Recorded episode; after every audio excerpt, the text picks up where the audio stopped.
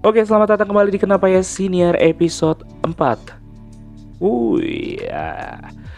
Udah episode 4 aja nih Askers Gimana kabar kalian semua? Semoga sih gue harap Askers kalian yang lagi ngedengerin ini Kondisinya baik-baik aja ya Semoga kita bisa lepas juga dari yang namanya PPKM ini Dan bisa berkehidupan kembali secara normal Oh ya, by the way uh, Ketika podcast ini direkam Ganda putri kita akhirnya mendapatkan medali emas. Woi, keren banget, keren keren keren. Selamat buat Kak Grecia Napoli dan Apriani Rahayu yang mendapatkan gelar emas di Olimpiade Tokyo 2020. Meskipun digelarnya di 2021 ya. Dan gue melihat dari atlet tersebut kayak itu mungkin banyak orang-orang juga yang setuju kayak mereka memiliki idealisme yang kuat terhadap olahraga sehingga akhirnya mereka bisa mencapai puncaknya meraih emas di Olimpiade. Tapi gara-gara pernyataan tersebut, akhirnya gue mikir, kenapa idealis ini suka disebut-sebut ya? Maksudnya, idealisme itu apaan sih? Maksudnya, lu pasti dengar, pasti sering dengar lah mungkin Asker sendiri atau teman-teman lo atau mungkin gue juga. Sering bukan sering maksudnya pernah menyebutkan kata idealis atau idealisme atau ideal. Kalau lu semua pernah gak sih ngomongin kayak gitu? Maksudnya ngomong ih gue mau orangnya idealis gue nggak suka sebenarnya kayak gini. Atau enggak lu mungkin pernah denger teman-teman lo yang ngomong lagi ngobrol malam-malam gitu. Terus dia bilang aduh gue nggak suka nih kayak gini. Nggak cocok sama idealisme gue mungkin asker sekalian pernah pernah pernah ngedenger ya kondisi kayak gitu. Pun gue juga gitu. Dan mungkin di masa lalu gue pernah kali ngomong kayak gitu. Harusnya sih pernah ya. Dan akhirnya gue berpikir pertanyaan yang pertama muncul adalah kenapa orang suka nyebut diri mereka adalah seorang yang idealis? Atau memiliki pemikiran yang atau memiliki idealisme yang tinggi? Kan lu suka pasti denger lah. Pasti suka denger ada yang namanya wah orang ini memiliki idealisme yang tinggi. Tapi idealisme itu sendiri apaan sih? Mungkin gue breakdown dari kata idealisnya sendiri ya ideal idealisme kan kayak kata sifat gitu kan. Ya sama kayak nasionalisme gitu lah. Nasionalisme berarti kan akhirnya sifat nasionalis yang ada pada diri seseorang. Jadi kalau menurut gue sih idealisme adalah keidealisan yang melekat pada seseorang. Dan akhirnya gue bertanya breakdown lagi menjadi lebih kecil dari idealisme menjadi idealis. Idealis sendiri itu apaan sih kalau menurut Asker sekalian apaan?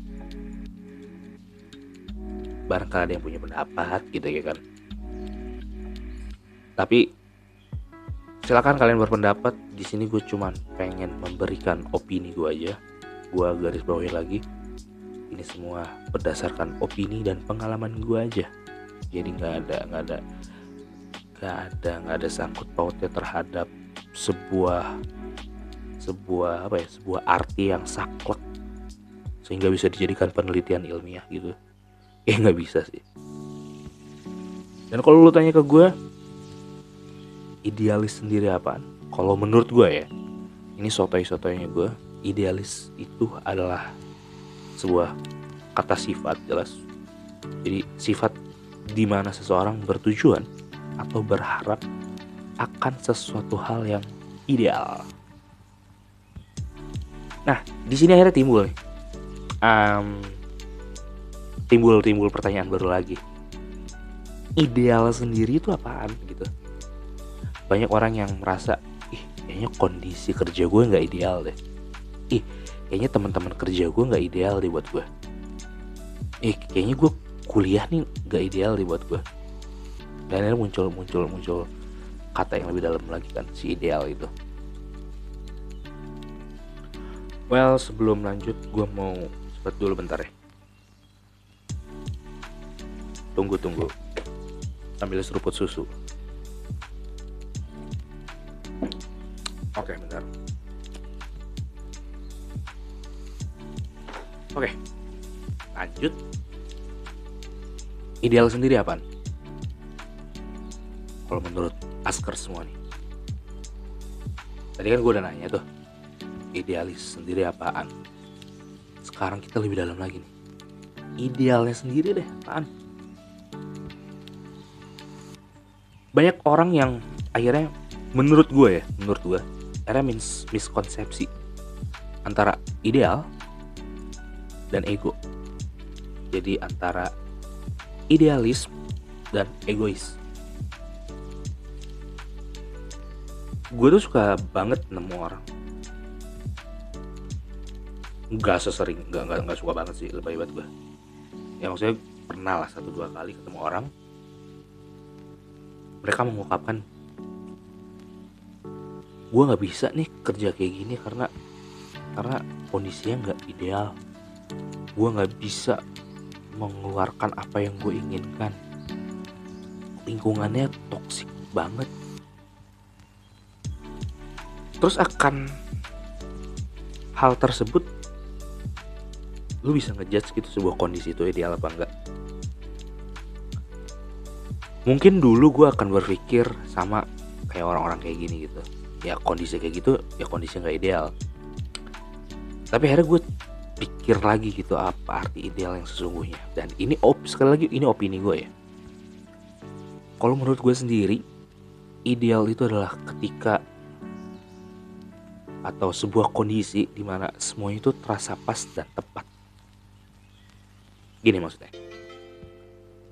Banyak orang yang gak nyadar ketika mereka mengungkapkan kata-kata gue tuh orang idealis sehingga gue nggak setuju dengan ini ini itu ini itu. Dengan dia mendeklarasikan atau berkata seperti itu menurut gue dia lagi lagi lagi apa ya? Lagi menjadi keakuan maksud gue keakuan adalah dia lagi me, me, me, melebarkan egonya dia gitu. Karena yang dia lihat adalah keuntungan buat dirinya aja nggak buat lingkungannya. Contoh paling gampang ya tempat kerja lah. Misalnya ih teman-teman gue tuh toxic. Ih kantor gue tuh fasilitasnya jelek. Gak ideal banget deh buat gue well ketik menurut gue sih ideal itu bukan masalah lu ideal itu sebuah interaksi kalau menurut gue lu dan lingkungan lu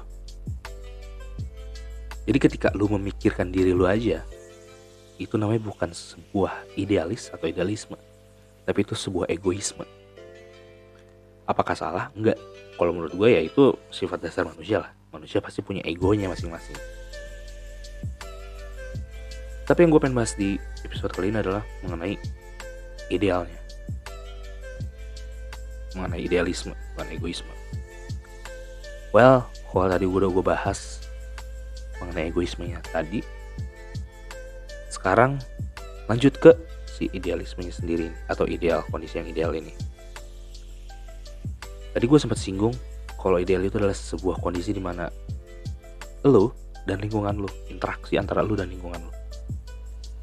Paling gampang kayak gini. Kalau menurut gue ya, ideal itu adalah sebuah kondisi di mana supply meet the demand. Gue garis bawah lagi, ketika supply meet the demand. Mungkin askar sekalian pernah belajar lah ya mengenai kurva supply dan demand. Dan kalau askar sekalian pernah belajar kurva supply dan demand, itu ada namanya titik equi equilibrium. Benar nggak ya? Equilibrium. Di mana titik equilibrium ini adalah ketika supply itu ketemu dengan demand pada titik yang pas dan tepat artinya bersilangan gitu maksud gue dan biasanya ketika kita pengen ngejual sebuah barang gitu. Lalu kita ngeliat kurva supply dan demandnya ya di titik itulah kita akan memproduksi barangnya. Jadi misalnya di titik itu ternyata bersinggungan nih supply dan demandnya. Menghasilkan angka misalnya 30 barang ya 30 barang itu yang kita produksi. Kalau kebanyakan gak ada demandnya mungkin gak ada demandnya. Kalau kedikitan malah supply-nya yang kurang mungkin. Dan menurut gue itu adalah analogi yang paling cocok sih. Ini menurut gue ya gue menurut gue menurut gue itu adalah analogi yang paling cocok kondisi yang ideal. Ketika supply ketemu dengan demand. Bukan supply berjalan sendirian atau demand berjalan sendirian. Tapi ketika mereka berdua ketemu dan interaksi dan bersilangan pada sebuah titik. Jadi misalnya kalau dalam kehidupan nyatanya mungkin ya mungkin itu gue kasih contoh deh misalnya demandnya adalah diri lu sendiri. Eh sorry sorry supply-nya adalah diri lu sendiri. Lu menyuplai skill lu pengabdian lu to the community untuk masyarakat. Nah masyarakat ini adalah yang menjadi demandnya. Misalnya kita ambil contoh perusahaan X adalah demand untuk si siapa ya? Budi deh kita anggap aja Budi. Budi sebagai supply dan Anton. Eh Anton. Kenapa Budi Anton anjing? Gue habis nonton video terus si si si voice overnya ngasih nama gitu si Budi sama Anton. Jadi gue kepikiran. Anjing kenapa kenapa gue skip? Kenapa gue nyebut Anton ya? Kita anggap Budi sebagai supply-nya dan perusahaan X sebagai demand-nya.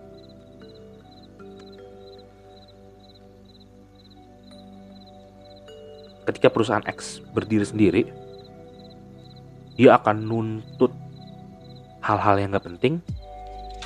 Mungkin dia akan menuntut sebuah hal-hal yang penting dan gak penting, misalnya.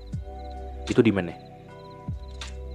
Dan supply-nya, si Budi ini, dia akan nge-provide skill yang penting dan gak penting sama kayak si perusahaan X ini menurut lo sendiri kondisi yang ideal sendiri kayak gimana tuh? Kalau misalnya Budi ketemu sama perusahaan X. Well kalau teori gue mengenai ideal yang dengan, dianalogikan dengan supply dan demand kalau menurut gue idealnya adalah ketika Budi nge-provide hal-hal yang penting dari dirinya dan demandnya adalah perusahaan memberikan eh menuntut hal-hal yang penting. Dan akhirnya ketika ketika ketika dua hal tersebut disatukan ya ketemu di titik equilibrium tadi. Terus hal-hal apa yang nggak ketemu? Ya hal-hal yang nggak penting tadi. Mungkin budi sisi egoismenya sebagai manusia ya itu kita ibaratnya kita buang aja gitu. Bukan kita buang ya.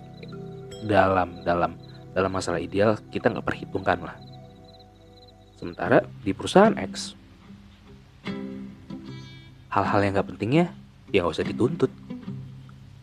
Ibaratnya gini deh supply demand tuh. Eh, ibaratnya ide, kondisi ideal tuh gini deh.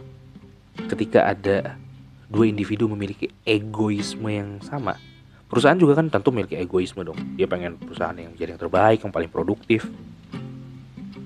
Ya kayak gitu gitulah. Sementara ya Budi, si Budi ini juga kan belum tentu juga bisa nge-provide skillnya kepada perusahaan itu kan penuhnya.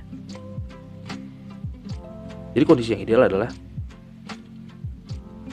ya ketika dua dua dua entitas ini saling menurunkan egonya dan akhirnya ketemu di sebuah titik.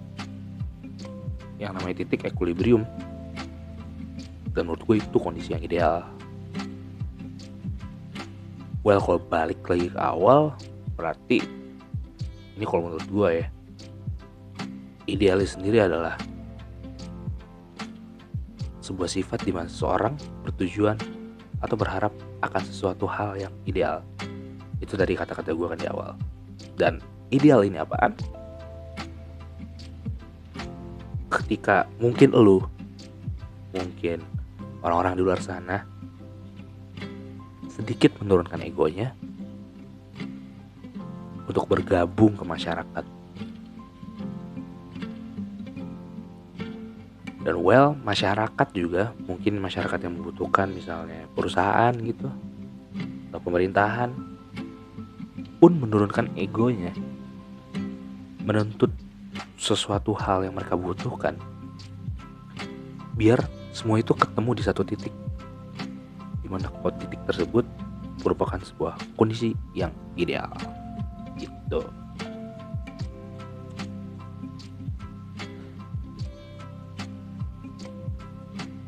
Mungkin ini kesannya kayak ngalor ngalor ngidul gitu nggak jelas mikirin ideal apa segala macem cuman sebenarnya ini keresahan gue aja sih keresahan akan apa ya banyak orang di luar sana tuh yang akhirnya nggak mau apa ya nggak mau bergaul nggak mau nggak mau berteman segala macem hanya gara-gara dia bilang gak cocok sama idealisme gue. Well, kalau menurut gue sih idealisme tuh gak bisa lu doang gitu. Idealisme tuh lo harus melihat lu dan lingkungan. Dan itu sih yang jadi keresahan gue akhirnya kenapa gue bahas ini di podcast gue. Mungkin dari asker semua nih yang lagi ngedengerin mungkin lo ada yang setuju atau nggak setuju sama pernyataan gue wah nggak apa-apa sih kan namanya juga pendapat ya kan dan mungkin kalau nggak setuju mungkin lo bisa DM gue di @kenapaya.senior di Instagram. Tidak bosan-bosannya jangan lupa di follow ya. Dan di situ lo bisa ngeliat tuh kosan terbaru dari kenapa ya senior dan gue upload biasa di situ tuh. Jadi lo bisa jadi pendengar pertama nih Askers gitu ah mungkin segitu aja kali ya bacot gue hari ini. Aja tadi gue pengen bahas atlet sebenarnya cuman eh kayaknya gue punya keresahan yang lain gitu. Tentang tentang kata-kata ideal ini. Well gue rangkum lagi sekali lagi. Mungkin biar juga gue pengingat terhadap diri gue apakah baik jadi seseorang yang idealis? Mungkin kalau persepsi lu idealis adalah mengenai lu sendiri, mengenai keakuan yang gak baik. Tapi ketika lu menggunakan definisi idealis yang tadi gue jabarin, apakah menjadi seseorang yang memiliki idealisme yang tinggi itu baik? Baik banget, jujur aja. Ketika lu menjadi seorang idealis tuh oke okay banget. Ya itu artinya ketika lu menjadi seorang idealis adalah lu adalah seorang yang bisa menurunkan ego lu di tengah masyarakat dan dan dan itu hal yang bagus gitu menurut gue gue gak tau sih menurut gue kayak menurut banyak orang juga deh. Ketika lu bisa ngontrol ego lu itu orang yang keren lah ibaratnya.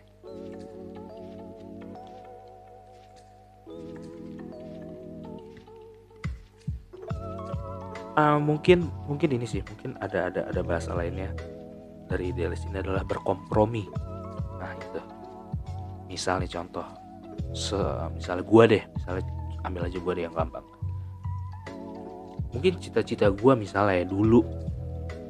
Dulu gue itu memiliki cita-cita pengen menjadi pengusaha gitu.